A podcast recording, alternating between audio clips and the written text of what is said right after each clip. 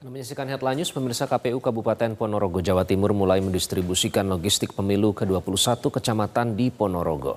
Untuk awal pendistribusian diprioritaskan bagi wilayah terjauh, sementara di Siak Riau, simulasi pemungutan suara digelar untuk yang kedua kalinya.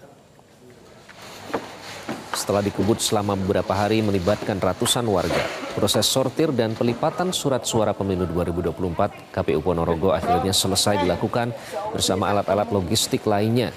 Surat suara tersebut lalu dikemas dan siap dikirim ke masing-masing kecamatan.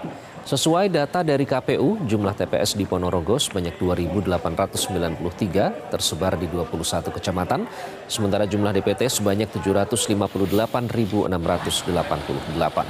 Logistik pemilu ini nantinya akan disimpan terlebih dahulu di gudang yang ada di tiap-tiap kecamatan sebelum akhirnya didistribusikan ke TPS.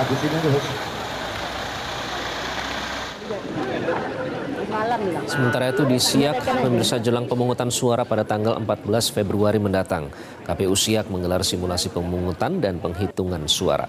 Simulasi dilakukan di lapangan kantor Camat Tualang, Kecamatan Tualang, Kabupaten Siak. Diharapkan simulasi ini dapat memberikan pemahaman yang lebih dalam kepada seluruh petugas PPK dan PPS, sehingga proses pemungutan suara dapat berjalan dengan lancar.